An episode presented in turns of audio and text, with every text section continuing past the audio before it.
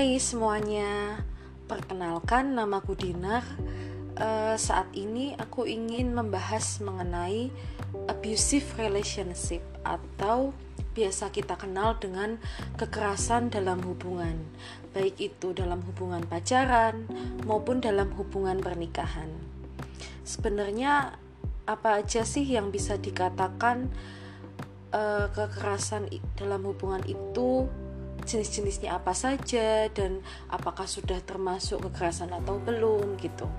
Nah, di sini secara umum kekerasan dalam hubungan ini e, dibagi menjadi empat, yaitu kekerasan verbal, kemudian kekerasan fisik, kekerasan seksual, dan kekerasan emosional. Oke, jadi contoh dari kekerasan verbal itu ketika pasangan mulai mengatakan hal-hal yang bersifat merendahkan atau menghina kita. Misalnya, hmm, kamu kok kelihatan bego banget sih, kayak gitu aja nggak bisa, gitu. Hal-hal kayak gitu tuh secara nggak langsung bikin kita jadi harga diri kita menurun nggak sih, gitu. Membuat kita jadi rendah diri nggak, membuat kita itu jadi mempunyai pandangan negatif tentang diri kita enggak gitu kalau misalnya kalian dalam suatu hubungan nih udah merasakan efek-efek tersebut karena perkataan pasangan yang mulai merendahkan, menghina. Nah, itu tuh sudah tanda-tanda sinyal-sinyal kalau hubungan kalian ini udah memiliki atau mengandung unsur kekerasan di dalamnya yang lebih spesifiknya biasa disebut kekerasan verbal. Nah, selanjutnya yang paling kelihatan nih adalah kekerasan fisik. Ketika kalian bertengkar, misalnya pasangan mulai main tangan, menampar, memukul dan uh, melakukan hal-hal yang berkaitan dengan kekerasan atau kontak fisik seperti melempar barang, membanting-banting barang kalian mungkin. Nah, itu sudah termasuk kekerasan fisik. Begitu. Itu adalah tanda-tanda kekerasan yang biasanya paling nampak, paling jelas di antara tanda-tanda kekerasan lainnya. Nah, selanjutnya berbicara tentang kekerasan seksual, seperti apa sih kekerasan seksual dalam hubungan itu? Gitu. Nah, Pernah nggak kalian mendapati situasi di mana sebenarnya kalian itu nggak mau melakukan aktivitas-aktivitas seksual. Misalnya, aktivitas seksual itu tidak harus selalu sampai melakukan hubungan badan, tetapi juga bisa dengan berciuman, berpelukan, bergandengan. Itu semua termasuk aktivitas seksual dalam hubungan gitu. Nah, kalau sudah menikah itu biasanya oleh norma agama, norma masyarakat sudah dibolehkan. Tapi ketika masih pacaran, tiap orang ini memiliki pandangan atau nilai diri masing-masing mengenai aktivitas seksual dalam hubungan. Misalnya, ada orang yang memiliki batasan, oke, okay, ciuman deh nggak apa-apa, tapi aku nggak mau sampai melakukan hubungan badan. Atau ada juga yang memiliki pandangan yang agak uh, strict gitu aku tidak ingin bersentuhan dengan pacarku karena aku menjalin hubungan dengan pacarku untuk saling mengenal bukan untuk melakukan aktivitas seksual nah pandangan setiap orang ini kan berbeda-beda ya. Nah ketika dalam hubungan pandangan kita mengenai aktivitas seksual ini bisa saja berbeda dengan pandangan pasangan gitu. Mungkin kita memandang oke okay, gitu. Ciuman deh nggak apa-apa tapi aku nggak mau nih sampai berhubungan badan. Sementara pasangan memiliki pandangan yang berbeda. Ya nggak apa-apa sampai berhubungan badan kan kita bentar lagi nikah atau kita mau serius. Nah ketika si pasangan ini memaksakan value-nya memaksakan pandangannya terhadap kita yang kita itu sudah punya prinsip aku nggak mau melakukan hubungan suami istri tapi pasangan ini entah dengan cara memaksa membujuk atau mungkin merajuk gitu ya mungkin kayak ngambek-ngambek gitu deh biar kita mau menuruti keinginannya. Ini tuh udah termasuk tahu kekerasan seksual atau uh, iya betul seksual abuse dalam hubungan nih.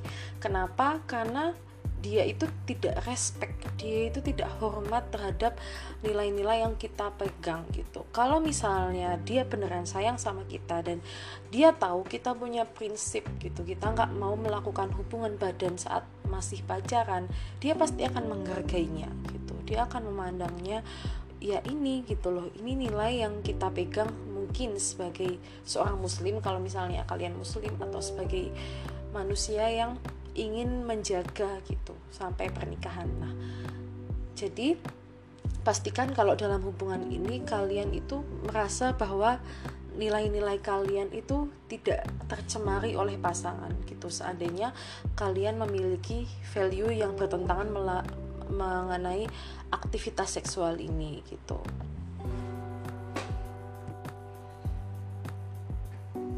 Nah, kemudian selanjutnya berbicara mengenai kekerasan emosional. Gimana sih kekerasan emosional itu?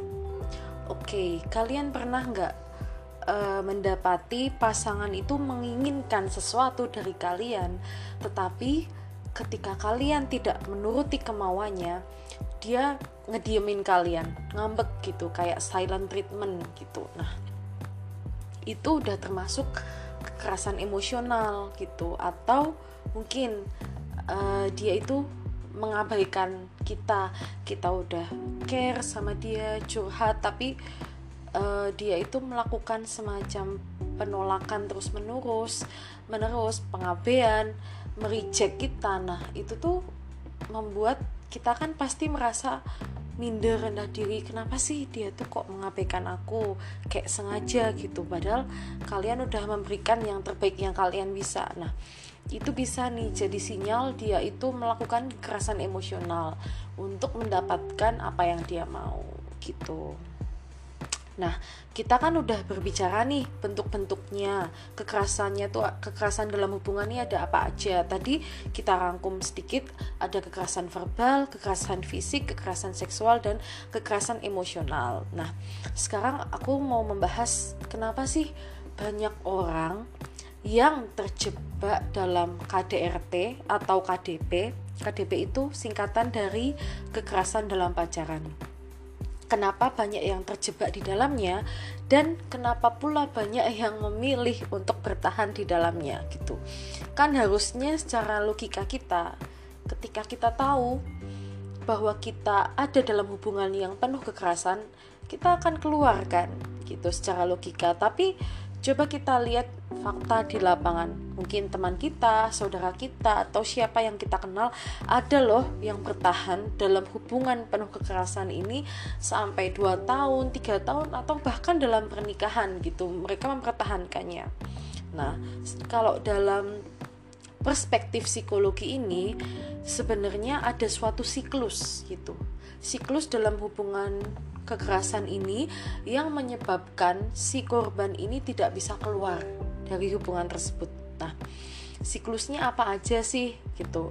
Ini di sini aku membagi tiga fase gitu. Yang pertama ada fase tension building, yang kedua acute battering, yang ketiga honeymoon gitu. Nah, itu apa Kak? Gitu. Jadi itu fase-fase dalam hubungan yang penuh kekerasan itu semacam siklus lingkaran setan yang kalau kalian nggak memutusnya kalian akan terjebak di dalamnya terus menerus. Nah aku mau jelasin satu persatu. Yang pertama nih uh, tension building. Jadi tension building itu ketika kalian menjalin relasi dengan pasangan kemudian ada ketegangan yang menumpuk satu persatu dengan pasangan. Ketegangan tuh misalnya ada selisih pendapat, selisih paham dengan pasangan. Nah, itu kalau dibiarkan terus tidak tidak terselesaikan adu-adu pendapat yang kecil-kecil ini kan menumpuk ya. Menumpuk lama-lama tuh jadi besar gitu loh. Karena masalah-masalah kecil ini yang nggak diselesaikan atau masih masih apa ya masih membekas gitu loh. Tapi kita nggak bener-bener rilis sama masalah ini. Nah ketika masalah-masalah ini menumpuk tentu kan akan suatu saat akan meledak kan akan memuncak kalau e, dari pasangan dan kita nggak ada inisiatif untuk berdamai atau menyelesaikan gitu nah fase kita akan masuk fase selanjutnya fase acute battering. Jadi fase acute battering ini adalah puncak emosi, puncak pertengkaran setelah pertengkaran-pertengkaran kecil sebelumnya. Jadi apa yang terjadi pada fase ini yaitu pasangan mulai melakukan kekerasan pada korbannya mulai memukul, mulai menampar gitu, mulai meng mengatakan kata-kata kotor gitu atau melakukan pengabaian, penolakan gitu. Nah, ini tuh biasanya akan keluar otomatis ketika amarah dia memuncak gitu. Jadi kita juga akan kaget loh. Ternyata ini reaksi dia sebenarnya. Ternyata ini ternyata pasanganku suka memukul, ternyata dia suka berkata kotor. Itu akan keluar ketika di puncak emosi pasangan gitu. Nah, selanjutnya setelah pasangan kita ini melakukan kekerasan ada fase namanya fase honeymoon jadi saat fase honeymoon ini kan setelah puncak emosi kan pasti emosinya lama-lama reda ya menurun nah si pasangan ini menyesal gitu loh. Kok kemarin aku ngelakuin kekerasan ke dia ya? Kok kemarin aku nampar dia? Kok kemarin aku ngomong kasar ngomong kotor? Akhirnya dia akan mencoba merayu gitu loh. Merayu mengejar-ngejar maafin aku maaf ya aku salah. Aku janji deh nggak akan gitu lagi. Aku menyesal. Aku akan memberikan apa pun yang kamu mau mau hadiah apa supaya kamu bisa maafin aku dia tuh akan terus merayu membujuk supaya kita tuh mau maafin dia gitu loh karena dia merasa menyesal gitu. Nah, di fase ini kan kebanyakan orang luluh ya, luluh karena sikap dia yang benar-benar kelihatan tulus, kelihatan menyesal, meminta maaf. Nah, ya udahlah, ada ada fase bulan madu ini honeymoon, masa-masa damai, masa-masa pasangan ini mesra lagi gitu loh. Sudah memaafkan yang satunya, satunya juga sudah menyesali pada saat itu. Nah, kemudian kan hubungan itu nggak selamanya mulus ya pasti ada konflik ada selisih pendapat itu pasti ada nah kalau dalam hubungan penuh kekerasan ini dia akan kembali ke fase awal yaitu fase penumpukan ketegangan-ketegangan tadi. Jadi mulai ke, ada pertengkaran kecil lagi konflik konflik konflik kecil lagi. Nah kemudian setelah ketegangannya memuncak si pasangan ini akan melakukan kekerasan lagi gitu loh. Dia emang kemarin-kemarin menyesal tapi ketika ketegangan-ketegangan dalam hubungan itu menumpuk dia itu udah nggak sadar gitu loh. Otomatis alam bawah sadarnya dia akan melakukan kekerasan. Nah selanjutnya begitu terus. Setelah melakukan kekerasan dia minta maaf minta maaf berdamai. Berdamai nanti ada konflik lagi ada konflik lagi melakukan kekerasan lagi gitu loh. Nah gimana cara memutusnya? Cara memutusnya itu kalau korban ini keluar dari hubungan penuh kekerasan ini keluar. Atau kalau kalau misalnya bukan dari perspektif korban tapi dari pelaku. Dia benar-benar menyadari perilakunya dan dia konseling ke psikolog. Karena kenapa aku sampai bilang konseling ke psikolog? Karena ini tuh udah menyangkut alam bawah sadar mekanisme dia menghadapi masalah dalam suatu hubungan. Karena ketika di fase menyesal dia memang benar-benar akan menyesal tapi nanti kalau ada konflik lagi dia itu udah nggak sadar dia otomatis akan melakukan kekerasan. Nah kenapa sih hal kayak gini bisa terjadi? Mungkin karena dia yang pelaku kekerasan ini tumbuh di keluarga KDRT jadi dia terbiasa melihat ayahnya memukul ibunya gitu. Ayahnya memukul adiknya memukul dia. Jadi di situ dia akan melakukan proses modeling proses imitasi melihat secara tidak sadar secara alam bawah sadar dia menilai oh ini toh ini cara ayahku itu menyelesaikan konflik dalam relasi dengan cara seperti ini. Dia akan belajar itu dan secara nggak sadar dia akan meniru itu. Makanya kita juga nggak bisa. Kalau misalnya bertahan dalam suatu hubungan niatnya mau merubah dia nggak akan bisa. Karena yang benar-benar bisa merubah seseorang itu hanyalah dirinya sendiri. Bahkan kadang seseorang yang mau berubah dengan niat sendiri pun kadang masih susah mau berubah. Coba kalian lihat kalian lihat orang-orang yang misalnya merokok. Dia pengen banget berhenti merokok tapi habis itu kambuh lagi gitu loh. Apalagi kalau niat itu bukan dari dia tapi dari orang lain gitu. Jadi memang kita tuh nggak akan pernah bisa mengubah pasangan. Yang bisa kita ubah diri kita sendiri kalau kita nggak mau terjebak dalam hubungan itu keluar gitu loh. Kita akan terjebak dalam siklus itu. Oke sekarang dia bilang menyesal tapi coba kalian yang udah pernah mengalami berapa kali dia bilang menyesal kemudian melakukannya lagi malah mungkin tambah parah. Makin lama makin lama siklusnya makin naik terus gitu. Jadi ini kenapa penjelasan psikologis kenapa siklus itu ada terus gitu. Nah sampai di sini dulu podcast kali ini coba kalian kasih saran gimana tentang podcast ini di DM Instagramku @dinarulandari.